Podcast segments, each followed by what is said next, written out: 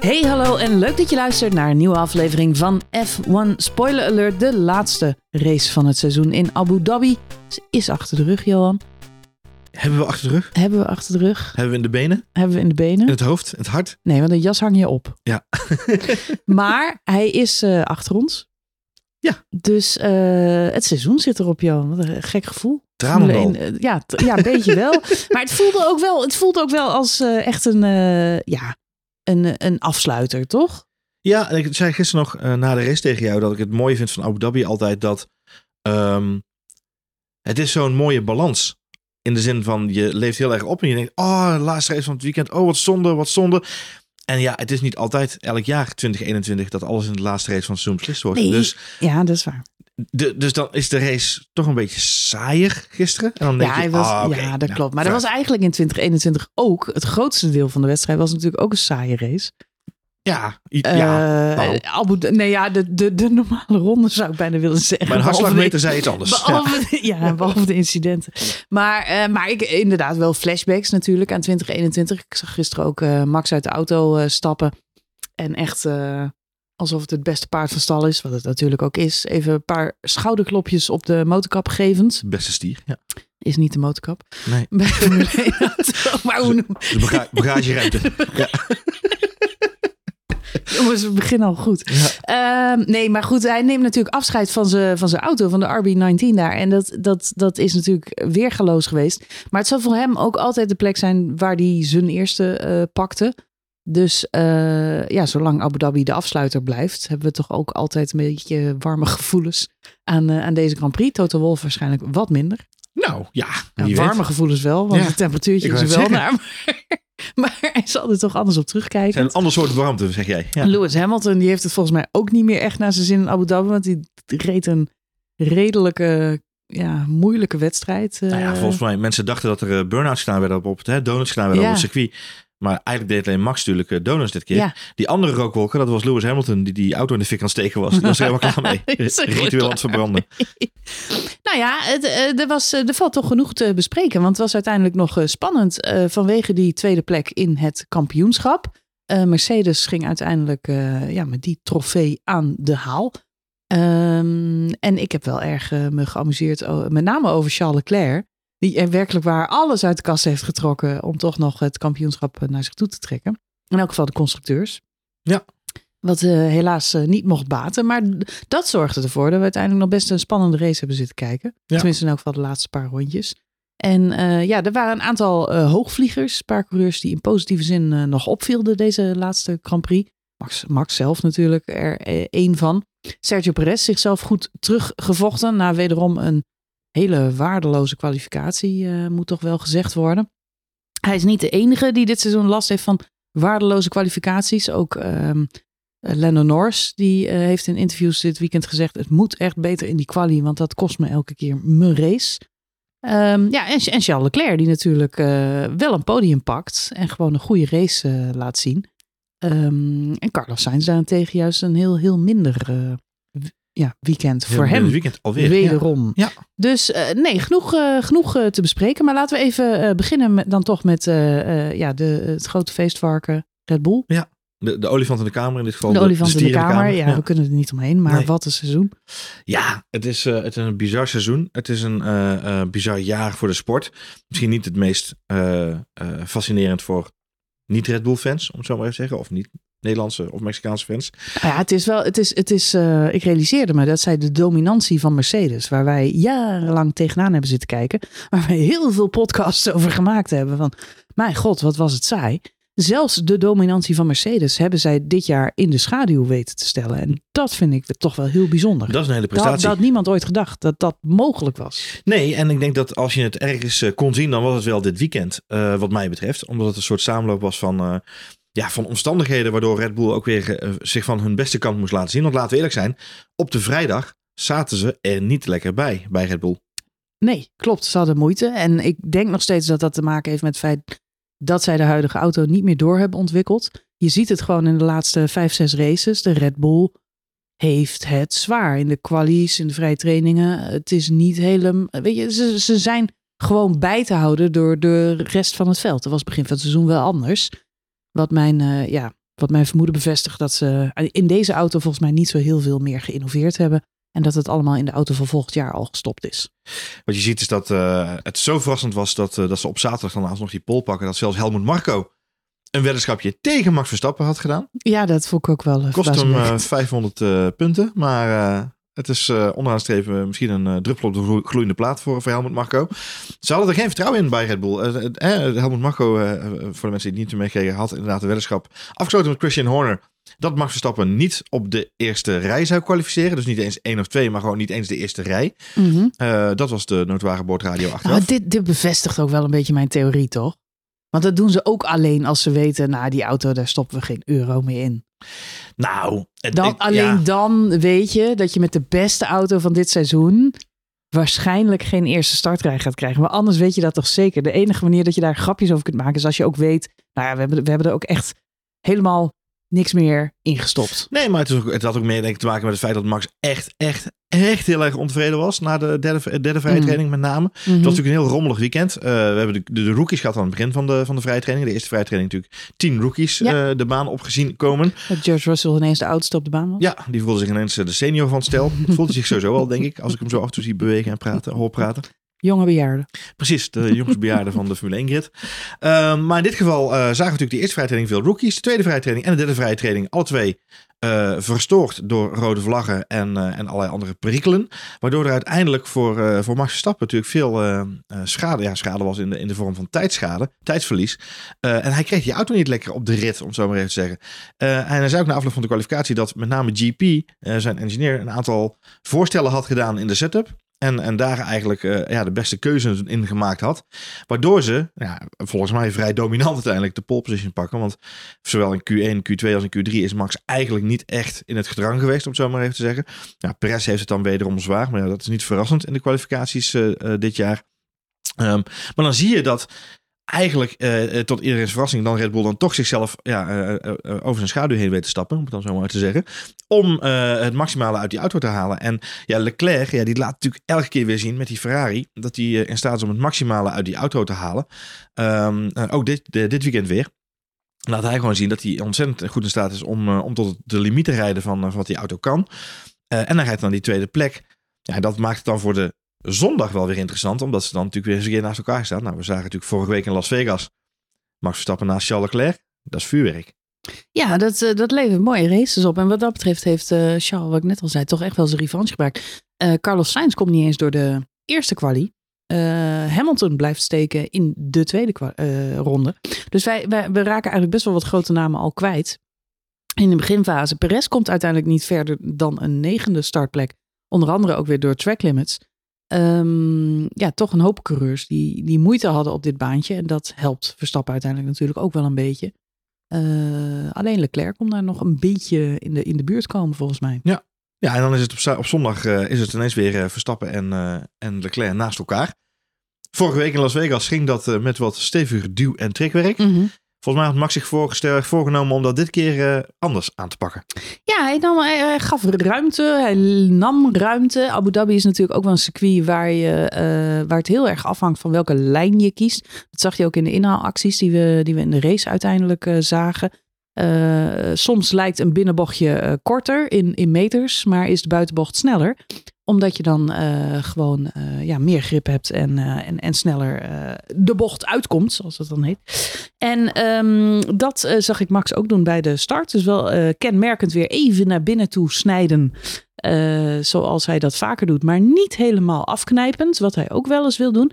En ineens zie je hem weer eigenlijk een hele wijde bocht naar rechts maken. Maar daardoor geeft hij Charles Leclerc letterlijk de ruimte komt het niet tot een aanvaring, zoals met Lewis Hamilton een tijdje terug.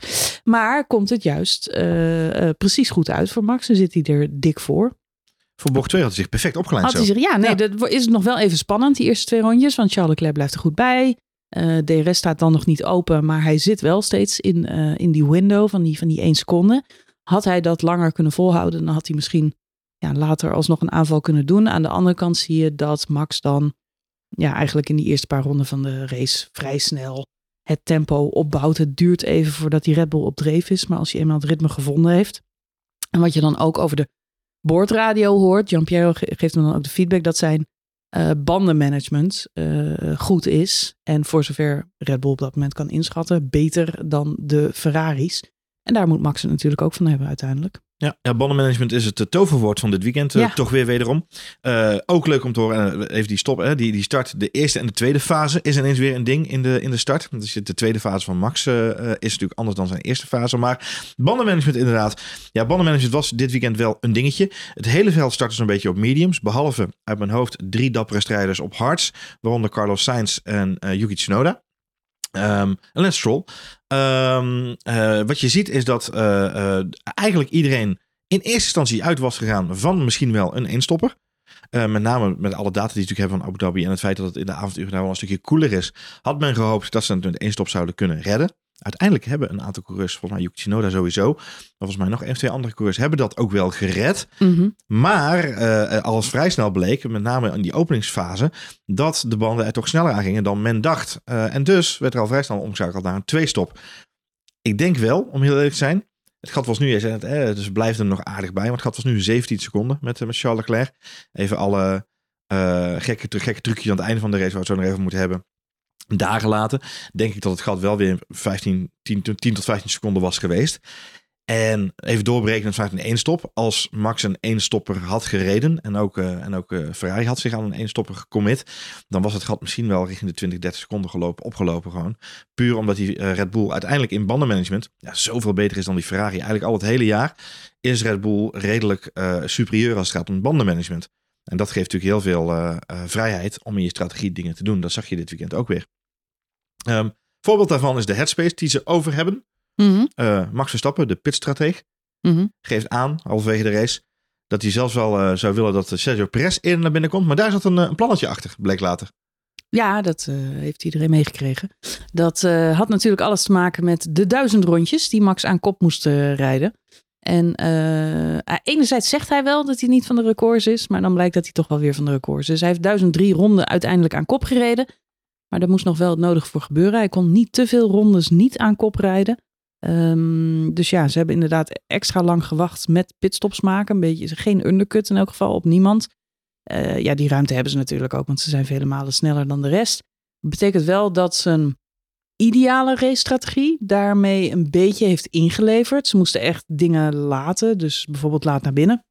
Waar ze ook even geen rekening mee hadden gehouden, is Yuki Tsunoda, die jij net al noemde, die inderdaad op een eenstopper zat. Ja. En op deze wijze ineens zes ronden aan leiding aan kop heeft gereden. Wat dan wel weer een heel leuk afscheidscadeautje was voor Frans Toost. Die Ja, natuurlijk eh, als eh, teambaas van AlphaTauri dit weekend zijn laatste Formule 1 wedstrijd eh, als teambaas meemaakte.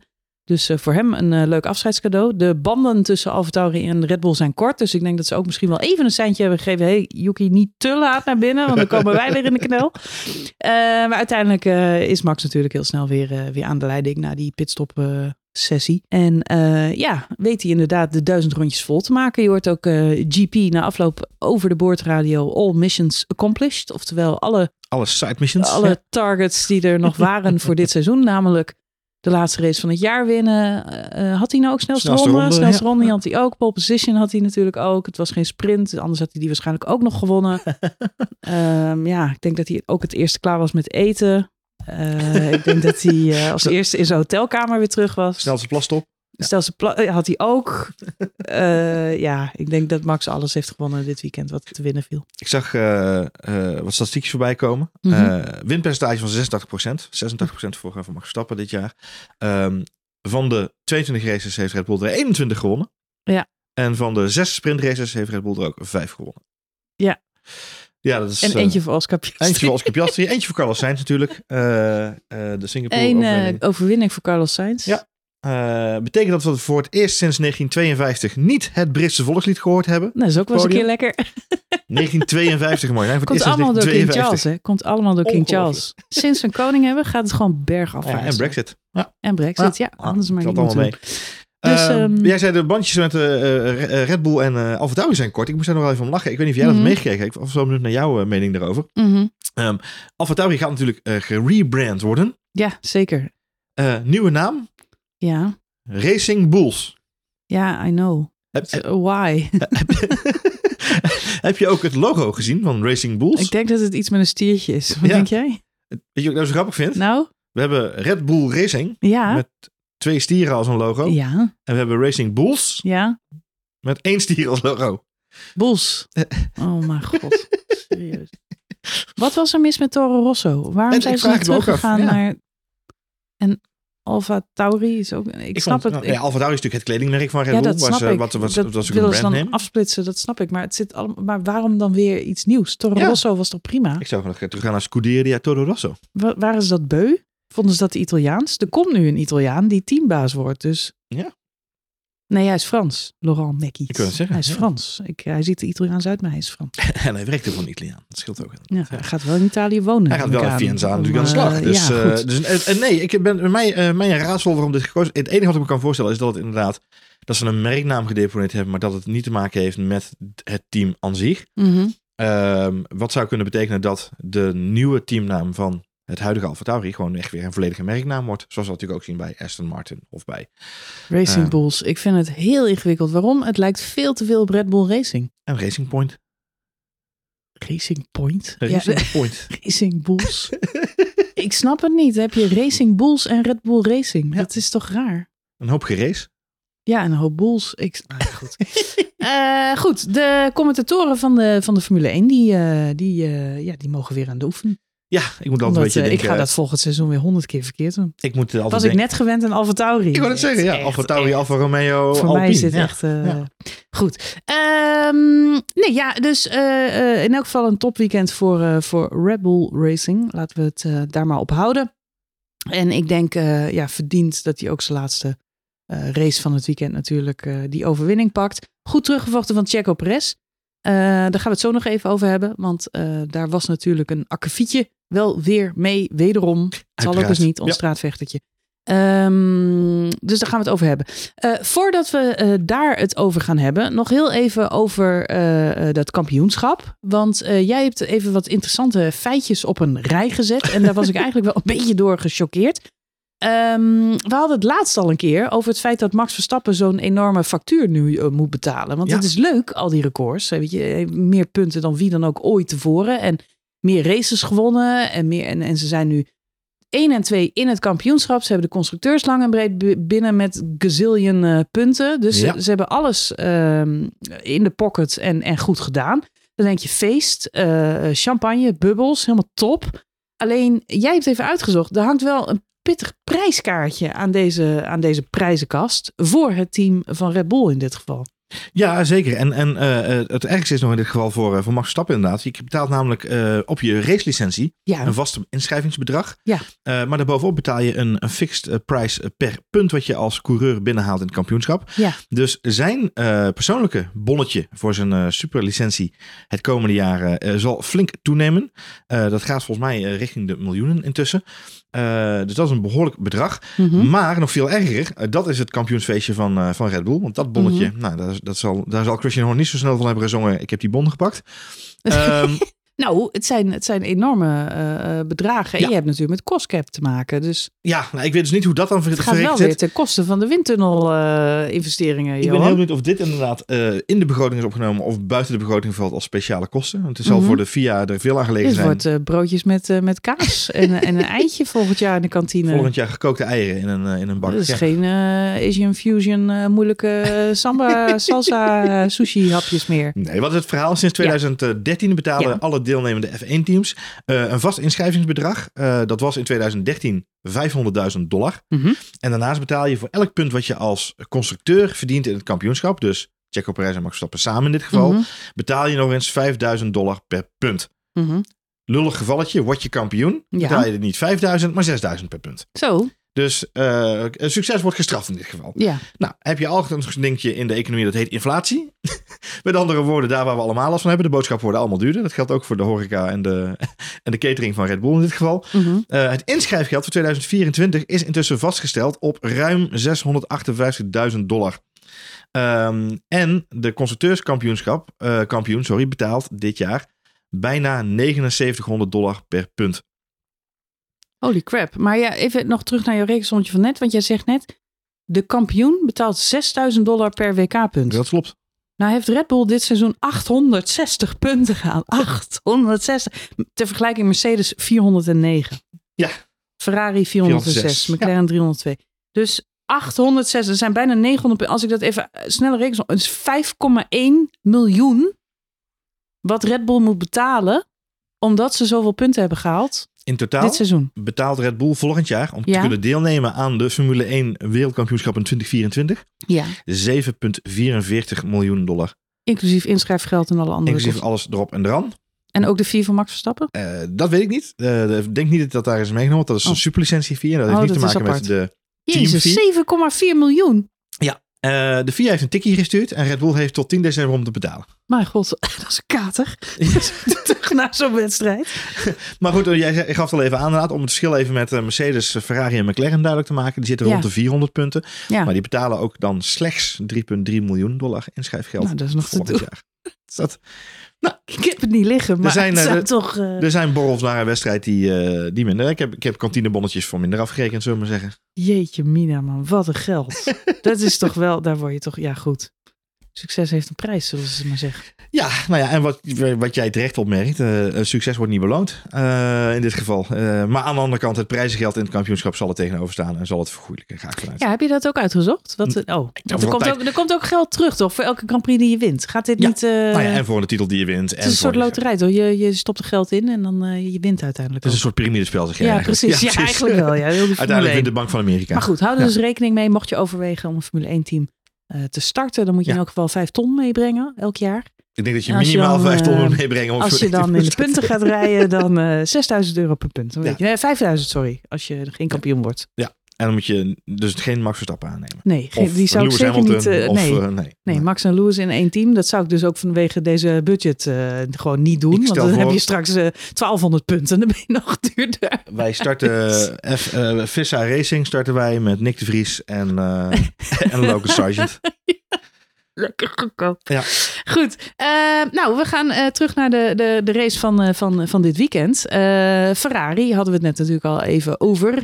Eh, wisselvallig weekend. En Mercedes ook een wisselvallig weekend. Wat interessant is, want beide teams waren nog met elkaar in een strijd eh, beland om de plek 2. Om het. Oh, Jezus. Om, om plek 2 in het kampioenschap. Het gaat lekker hoor. Ja. Ehm, Koffietje erbij. Ja, goed. Goed idee. Doe maar even.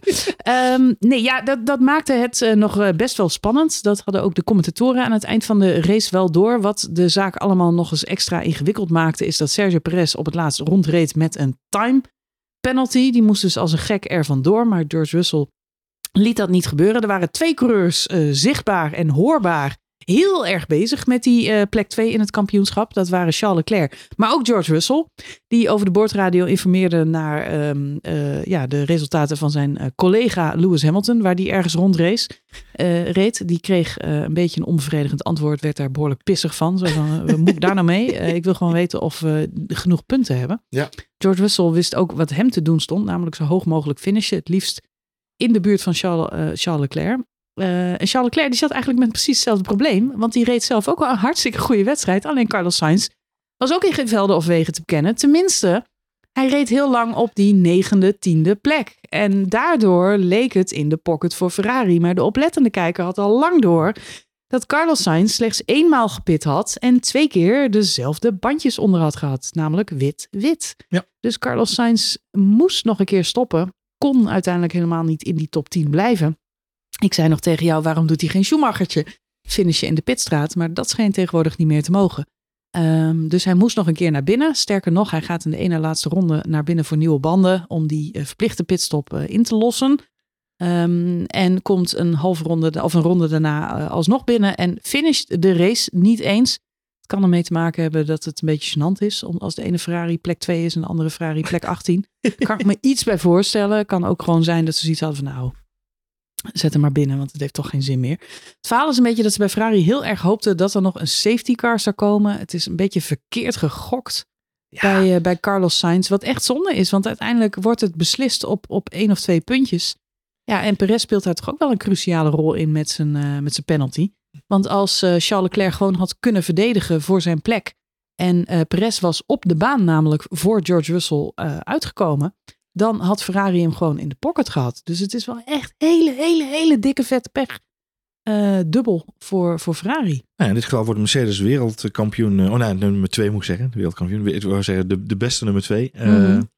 In het kampioenschap. ehm, met 1,2 seconden voorsprong. Hm. Dat is het verschil tussen Checo Perez en, eh, en ehm, eh, George Russell aan het einde van de race. Eh, hij weet uiteindelijk 3,8 seconden weg te rijden van zijn 5 seconden penalty. Mede dankzij Leclerc. En het, dus, ja, als, als dat 1,2 seconden, als hij 1,2 seconden meer had kunnen wegrijden, dan, dan was Ferrari nu nummer 2 geweest in de constructeurs. Ehm, het is voor Sainz natuurlijk ook gewoon een draak van een weekend. Laten we dat vooropstellen. Mhm. Ehm, die grote crash in de training, gewoon niet handig. Eh, ik, had, heb echt het gevoel gehad dat hij de rest van het weekend een beetje eh, op eieren liep. Mhm. Eh, op eierdozen liep, zeg je dat zo mooi, Nederlands Mhm. gezegde. Ehm, en hij had ook gewoon heel veel moeite om in de kwalificatie, kun je ook terug horen in zijn boordradio eh, van, zijn, van zijn Q-sessie, om die banden op temperatuur te krijgen. Ja, en als je dan, die Ferrari is natuurlijk al gewoon een beetje tricky met zijn bandjes, als je hem dan nog niet temperatuur krijgt en je, ja, je kwalificeert gewoon als een draak. Het is het tweede weekend op rij voor Carlos Sainz dat hij er niet bij zit.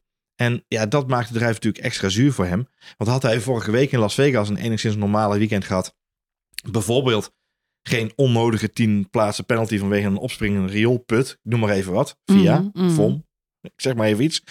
Ehm, dan was er niet zo, heel veel aan de, eh, geen- niet zo heel veel aan de hand geweest voor Ferrari, denk ik, dit weekend. Ehm, dan had hij zelfs zo'n slecht weekend als nu kunnen hebben. Als Ja. hij vorige week gewoon de punten had binnen kunnen weten te Ja, halen. het is inderdaad wat jij zegt. Het is een dure... Maar goed, eh, ik vind Het is ook... een dure rioolput. Ja. Ja. het is een hele dure rioolput voor Ferrari. Het is en een hele dik bon. Ehm, en ja, goed, ze besparen natuurlijk ook een beetje. Want we hebben net gehoord wat die punten kosten. Dus eh, Ja, uiteindelijk was de afweging. ergens is het Ja. diner van eh, zaterdagavond ook weer terugverdiend. Maar ehm, ja, het, het, het, eh, het is wel heel slecht, vind ik, hoe, hoe Sainz zich dit weekend heeft laten zien. Heeft echt niet bijgedragen aan eh, wat er moest gebeuren voor het team. En, en Charles Leclerc stond daar wel. Ik vind dat verschil groot. Dit, dit seizoen veel over gehad. Dat veel teamgenoten een beetje aan elkaar gewaagd zijn. En dat het er omspant en spannend is. Je zag dat dit weekend vond ik ook wel weer bij de McLaren-coureurs. Die toch echt wel dicht bij elkaar in de buurt zitten. En de een maakt wel eens een foutje, de ander maakt wel eens een foutje. Maar bij Ferrari was het gat gewoon heel groot. Ik vind ook dat eh, Carlos Sainz zich wel een beetje had mogen herpakken. Eh na, tuurlijk was Vegas gewoon één grote sof. En ik, ik begrijp ook wel dat je daar van baalt. En zo'n crash in de vrije training helpt zeker niet mee. Eh, maar je moet er wel staan. En dat deed hij niet tijdens de kwalificatie.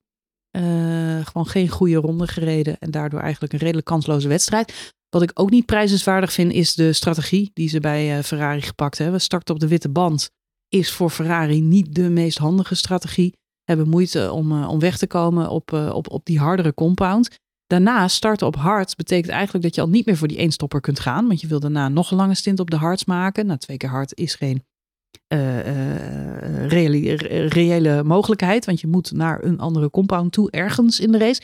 Was dan op geel gestart, dan hadden ze deze ja, theorie in de praktijk kunnen laten werken. En dan had hij gewoon negende of tiende kunnen finishen. Dus het is ook een beetje soort heel Ja. Mary die ze met hem ge- gedaan hebben. Nou ja, het is, het is, eh, het is eh, ook geen flexibiliteit. En het is wederom de commenters curse van Marjolein, die natuurlijk de week van tevoren nog zegt. Ja, Ze hebben redelijk op de met Ferrari. Nee, het is, Ja. wat je ziet is dat ze... Kijk, starten op die hard is, is Allah. Ik snap het dan nog. Maar eh, vervolgens zie je dat, wat jij zegt, die, die Ferrari heeft gewoon moeite om op die witte band tot, tot leven te komen. Dat gaat ten koste van de compound. Want uiteindelijk rijdt Carlos Sainz maar 23 rondjes uit mijn hoofd op die witte band. Terwijl je er eigenlijk ja, minimaal 33 tot 35 mee zou moeten willen rijden. eh, in ideale omstandigheden. Als het niet zelfs een slagje meer zou kunnen mogen zijn. Ehm, in dat geval kan de eenstopper al uit het raam. Want dat weten ze op dat moment al. Het feit dat ze hem dan wederom op hard zetten, is verrassend. Ehm, omdat ze dan weten, oké, als we hem nu weer op hard zetten, we zetten hem vrij snel op hard, dan weer op hard, dat is prima. Maar dan weten we dat we aan het einde van de rit niet te lang moeten wachten met, Met de pitstop. stoppen. Want de graad wordt Ja. alleen maar kleiner. En ze hopen op een safety car, maar die komt Uiteindelijk niet. houden ze hem zo lang mogelijk buiten. En ze doen een albonneke. Eh, tot in die laatste ronde. Terwijl ze weten, de, de percentages safety cars op Abu Dhabi zijn bekend. Eh, Ja, behalve in 2021, joh, laten we het nooit vergeten. eh, nee, eh, maar, eh, dus, eh, maar, en, en zelfs, maar Latifi doet niet meer mee. Nee, en. Sargent, en Sargent die heeft gereden voor zijn leven dit weekend. Dus, Ja. Ehm, eh, dus die, die bleef ook keurig binnen de witte lijntjes eh, dit weekend. Uh, tussen, althans, soort van. Ehm, eh, net, net, wel net niet in de kwalificatie. Goed. Ehm, je weet op een gegeven moment gewoon, die safety car gaat niet meer komen. Je kunt die wedstrijd analyseren en je ziet gewoon het gaat niet gebeuren. En al zou die wel zijn gekomen, je kunt het risico niet nemen om erop te wachten. En dat zie je nu, dan, dan wordt de prijs betaald. Namelijk, je staat ineens één en laatste in, de, in, de, in het klassement van de race. Omdat je gewoon tot het allerlaatste moment wacht. Je bent sitting duck op die slijtende banden. Want hij wordt links en rechts ingehaald door uh, Tsunoda, door Piastri, door Alonso, door Hamilton. Ja, en uiteindelijk is het dan gewoon klaar. Dan moet hij verplicht naar binnen. Ja, dan is het, het is veel te lang gewacht. En dan ga je van nadenken naar gokken. Dat is ja, het is, uh, het is doodzonde. En inderdaad, wat jij zegt, ze hebben in sommige gevallen echt hun leven gebeterd, vind ik dit, weekend, uh, vind ik dit seizoen. Sorry. Er zit echt een stijgende lijn in bij Ferrari, maar er is zeker nog uh, ruimte voor verbetering. Desondanks denk ik dat uh, Charles Leclerc de afgelopen twee races heeft laten zien dat hij, denk ik toch ook wel misschien weer de grote uitdager van Max Verstappen moet worden volgend jaar. Hoop ik althans, zou leuk zijn. Jij zei vorige keer al leuk als de McLaren's zich daar ook bij kunnen voegen. Ik denk dat Charles Leclerc inmiddels alweer iets meer ervaring heeft dan de twee mannen van, uh, van McLaren. Maar McLaren zou natuurlijk leuk zijn in de mix als een soort uitdager om het af en toe nog eens een beetje extra uh, ingewikkeld te maken. Ferrari daarentegen, die zullen volgend jaar, vind ik, echt een poging moeten gaan doen om mee te doen om dat kampioenschap. Uh, bij Mercedes is die mindset er altijd wel, omdat zij natuurlijk ook gewend zijn om die kampioenschappen binnen te halen en, en daarvoor te gaan. Bij Ferrari vind ik dat ze echt die stap uh, volgend jaar moeten gaan maken. En dan bijvoorbeeld ook een duidelijke keuze moeten maken in welke coureur daarin de voorkeur krijgt. Was afgelopen seizoen natuurlijk nog niet het geval. We hebben uh, Carlos Sainz dit jaar een race zien winnen. Wederom uh, ook een aantal races beter zien presteren dan Charles Leclerc. Nu aan het einde komt Leclerc weer een beetje bovendrijven. Ik denk dat Vazeur volgend jaar echt een, uh, een belangrijke taak heeft om uh, alles wat er dit jaar is opgestoken en geleerd, volgend jaar te gaan omzetten naar uh, een kampioenswaardige strategie. En daar ben ik wel erg benieuwd naar. Ze kunnen niet op dezelfde voet zoals ze nu. Ze hebben veel geleerd. Er zitten wat goede ontwikkelingen in. Maar er moet volgend jaar een volgende stap worden gemaakt bij Ferrari. Ja, ben ik met je eens. Onder andere door inderdaad duidelijk na een aantal races te zeggen: oké, okay, nee, deze coureur, daar gaan we echt voor die moet het worden. En de andere moet daar ja, aan, aan bij gaan dragen. En samen gaan we dan voor de constructeurs. Of mogelijk ook Max proberen uit te dagen voor dat wereldkampioenschap. Nou, dat ben ik met je eens. Ik denk dat we wat we dit weekend zagen is, uh, uh, we hebben het al heel even aangestipt, de, de, de snelheid van denken van Charles Leclerc. Mm -hmm. Het feit dat hij uh, in de auto de, de mindspace had om na te denken over die strategie met, met Perez voorbij laten en dan proberen om Russell op te houden. Meestal was hij daar niet zo mee bezig met en dat, dat soort dingen. en dat de rest van het team daar ook, ook op kon inspelen in plaats mm -hmm. van we're checking question mark. Um, ik denk dat dat aantoont dat er wel degelijk groei is geweest binnen Ferrari. Um, mm -hmm. Ik ben ook met je eens dat ze volgend jaar ja, weet je, Ferrari en Mercedes. Het zou heel fijn zijn. Met name Mercedes is natuurlijk even afwachten waar ze mee komen. Uh, misschien voor, uh, voor zo meteen nog even. Maar voor Ferrari, die hebben gewoon in principe in de basis een goede auto staan. Mm -hmm. We weten ook wat de grote. Uh, wij kunnen al een beetje op basis van onze fandom zien. waar die auto uh, op dit moment de meeste punten verliest. Dat is banden, hè, bandenmanagement. Als we daar stappen in kunnen gaan maken. Kijk, op pure snelheid is die auto super oké. Okay. Uh, Red Bull had dit jaar een ontzettend groot voordeel met downforce uh, en met de DRS. Uh, kijk, als ze daarop kunnen verbeteren, ja, dan wordt het een hele spannende strijd volgend jaar. En dan moet je inderdaad, dat zeg je terecht, niet direct knoop doorhakken en zeggen alle eieren op Leclerc of alle eieren op Sainz. Maar dan moet je inderdaad stap voor stap gaan kijken naar de eerste drie, vier races. Wie doet het beter? Want ik had nu aan het begin van het seizoen vooraf mijn geld gezet op Charles Leclerc. Mm -hmm. Omdat ik Ja. het idee had, Charles Leclerc zit al een aantal jaren in de malle molen bij Ferrari Ja. nu. Eh, voor Carlos Sainz zal het even inkomen zijn. M- maar Carlos Sainz laat gewoon zien dat hij erbij zit. En dat hij het kan. En, en Soms wel, dit weekend niet. nee, dus en- eh, en te de- wisselvallig De laatste nog. twee weekenden, weekenden weer niet inderdaad. Dat is zonde. Dus eh, dat, dat wordt de uitdaging voor volgend jaar. Maar wie weet, veel saunaatjes en eh, ja, even een eh, vakantie in Finland. Nou ja, Dat doet de mens goed. En dan krijgen we straks Carlos Sainz 2.0. En Leclerc zal er gebrand op zijn om volgend jaar beter te presteren. Want Dat hij wordt nu, eh, uiteindelijk wordt hij vijfde in het kampioenschap. En dat zal hij volgend jaar echt wel beter willen doen. Dat denk ik ook. Het was nog even spannend, want aanvankelijk dachten we dat Charles Leclerc ook vierde in het kampioenschap was geworden. En ik was nog enigszins verbaasd dat het daar na afloop niet over ging, want hij stond er natuurlijk erg bedremmeld bij. Maar dat ehm, bleek ook zo te zijn dat hij dus niet vierde was geworden, maar vijfde. Hij heeft weliswaar evenveel punten als Fernando Alonso. Na, eh, 206, zeg ik uit mijn hoofd. Eh, ja. Ehm, echter, onze grote vriend Fernando heeft natuurlijk meer podia gehaald dit seizoen. Dat was een eh, regular Ja, op het nee, podium. dat was, eh, dat was de grote, de grote, grote voordeel van eh, Fernando dit, eh, dit weekend. Met name het begin van het En, seizoen. ja, en ja. hij heeft natuurlijk ook pech. eh, we hadden het al even over Yuki Tsunoda en, zo, en zijn instopper. Eh, dat is natuurlijk ook de pech voor Charles Leclerc. Eh, niet alleen eh, voor Yuki valt het slecht uit, maar ook voor, voor Charles Leclerc in dit geval. Want hij probeert die instopper wel te halen. Maar daardoor zag hij uiteindelijk aan het einde van de race natuurlijk wel een beetje weg, Yuki. Hij houdt heel lang Alonso en Piastri achter zich en ook Hamilton. En Hamilton weet je uiteindelijk ook achter zich te houden.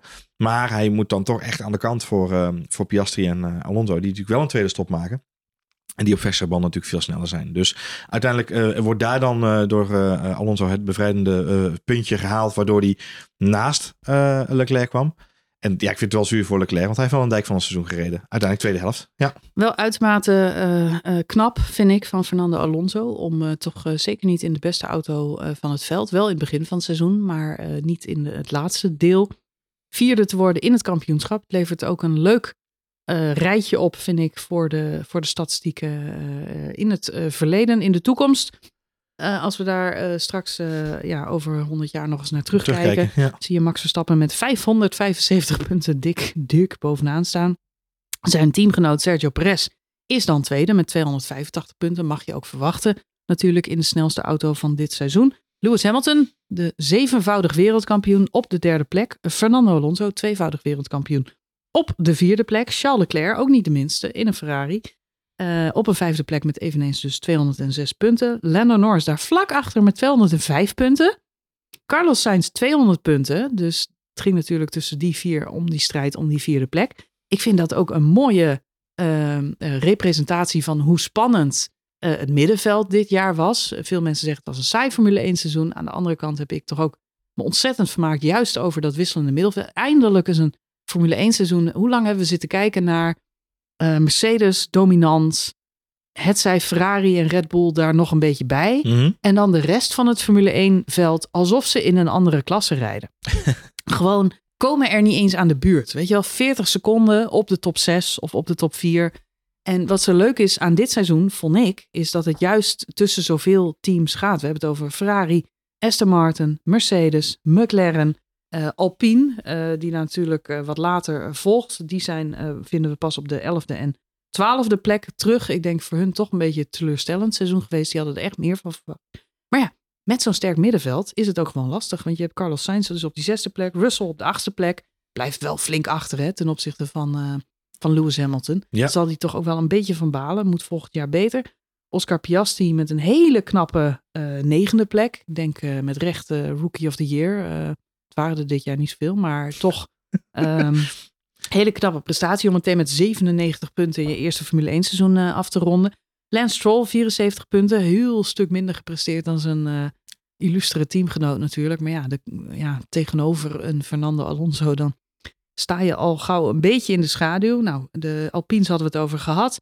Eh, Gasly eindigt trouwens voor Ocon. Dus dat, dat zal hem plezier doen. De twee Fransen natuurlijk wel een beetje in een hanengevecht eh, verwikkeld. Had hij liever gisteren ook gehad in de wedstrijd. Ja, ik wou net zeggen. Dit, eh, ook in de race gisteren zagen we daar alles weer van. Dat blijkt toch eh, nog niet helemaal koekenij daar. Maar goed, maakt het ook wel weer interessant. Alexander Albon met een geweldig Formule 1 seizoen voor Williams. Echt geweldig. Dertiende plek. Ja. Met 27 punten voor Williams, joh. Ja. Ze zijn zevende geworden in de constructeurs. Wie had dat gedacht? Dat Nee, is echt dat een enorme stap voorwaarts voor, voor Williams. Yuki Tsunoda, je noemde hem net al even, Alfa Tauri op de 14e plek met 17 punten. Dat is ook niet, eh, niet heel slecht. Valtteri Bottas, die had wel echt een eh, kleurloos eh, seizoen. Vorig, vorig jaar vond ik hem nog echt indruk maken. Kon je echt zien dat hij de ervaren man was. Dit jaar valt hij niet op, maar slechts 10 puntjes. Was hij vooral eigenlijk bezig met alle dingen eromheen, voor mijn gevoel. Ja, het is een beetje alsof Formule 1 zijn hobby is. Ja. Net zoals fietsen en koffie drinken. Hij doet het er een beetje bij. En eh, Ja. ik, ik, ik geef hem geen ongelijk. hè, En als Formule 1 fotografie. Ja. Ja, precies. Als Formule 1 eh, kalenders maken. Als Formule 1 eh, mijn hobby zou kunnen zijn, dan zou ik dat natuurlijk ook eh, met beide handen aangrijpen. Nico Hulkenberg, eh, de Hulk, eh, de, de supersub, eh, reed eh, weer eens een eh, volledig seizoen en negen punten. Dat valt toch een beetje tegen voor Haas. Die hadden vorig jaar echt een opwaartse lijn te pakken. Eh, Daniel Ricciardo heeft natuurlijk maar heel weinig races gereden. Uiteindelijk weet toch zes punten te halen. Joe, ja, hetzelfde verhaal als Bottas, Alfa Romeo, gewoon teleurstellend. En Kevin Magnussen, 19 de plek met drie punten. En dan hebben we nog Liam Lawson met twee punten voor Alfa Tauri. De invaller die kort even mee mag doen. Logan Sargent met één puntje. Ja. Toch een prestatie van hem. En eh, een op handen zijnde contractverlenging. Het laatste stoeltje in de Formule 1 is het nu officieel bevestigd. Nee, nog steeds niet. Nee. Oké, maar de boordradio, Boordradio van eh, James Vowles deed vermoeden dat hij eh, nog een seizoen mag blijven Ja. bij Williams. En als laatste hebben we nog Nick de Vries. Die heeft helaas nul punten gehaald. Ja. En ook geen stoeltje meer. En ook geen stoeltje meer. Helaas. Maar die gaat in de, in de WC weer hele mooie dingen doen. Ja, ja. nou Dus dat goed. gaat vast goed komen, Nick. Het was, eh, het was een eh, mooie Formule 1 seizoen, al met al, vond ik. Dus eh, Ja, ik denk dat voor de neutrale kijkers het misschien af en toe even doorzitten was eh, aan de kop van het veld. Maar wat jij terecht zegt, eh, het middenveld en eigenlijk alles eromheen was, denk ik, interessant genoeg om het, om het het hele seizoen leuk te maken. En volgens mij hebben we meer dan genoeg meegemaakt en meer dan genoeg toffe acties en momenten gezien. ik vind het ook wel leuk om nu weer met een schone lei te beginnen. Schone lei, schone, schone lei. Ja, nou Ja. gewoon dat, dat het, nou, het was natuurlijk, de spanning was er een beetje vanaf. Nu alle kampioenschappen zo duidelijk al bepaald waren. Dat was Ja. eigenlijk in de zomer al. Dat we toen al wisten, het is een kwestie van tijd voordat Red Bull en Max eh, ze binnenhalen. Ja, zeker. Eh, het is ook wel lekker dat we over drie maanden weer helemaal opnieuw beginnen. Zeker. En, en het allemaal zich weer Die Red Bull zonder moet bewijzen. De Red Bull zonder sidepods. Nou, De, zeker de Mercedes met een extra wiel. Ja. Ja, gaat zeker niet. Ehm, ja, we hebben even eh, eh, pauze, maar in de tussentijd zijn we natuurlijk eh, niet weg. Er gebeurt vast nog van alles. Het zal nu wel eerst even vakantieperiode zijn voor de coureurs en, en feestdagen. Ehm, maar het ziet er naar uit dat er in elk geval weer een, een nieuw Netflix-seizoen aankomt, ergens in februari. Daar eh, maken wij natuurlijk ook altijd een, eh, een podcast over. Dus daar kun je ons verwachten. En als er tussentijds nieuws is of updates uit de Formule 1, dan eh, maken we natuurlijk ook nog wel een podcastje hier of daar. Dus hou je podcastfeed vooral in de gaten de komende tijd. Wij zijn niet zomaar van de aardbodem verdwenen. En als je ons toch gaat missen in deze winterperiode, dan kun je gewoon op onze socials kijken. Ja, Toch? leuk. Kan altijd. Eh, join de Telegram chat. Join de Telegram chat. Ja, join de Ja, join. Telegram chat. Ja. Eh, Twitter, daar is niks meer eh, te doen. Dus Nee. stap vooral over op eh, Telegram, Telegram. als je toch behoefte hebt om een beetje met lotgenoten over Formule 1 eh, te kletsen en te babbelen. En Misschien, misschien moet ik de winterperiode gebruiken om onze Instagram eens een beetje op te poetsen. Ja, dat zou ik ook leuk vinden. Dat de Instagram daar wat meer. Ja, laat, eh, doe dat eens even. Stories en zo. Boom, Boomer gaat Ja. tijd zoeken. Ja. Boemer gaat het uitzoeken. Fijn. Heel erg bedankt voor het luisteren. En heel graag tot de volgende aflevering van F1 Spoiler Alert.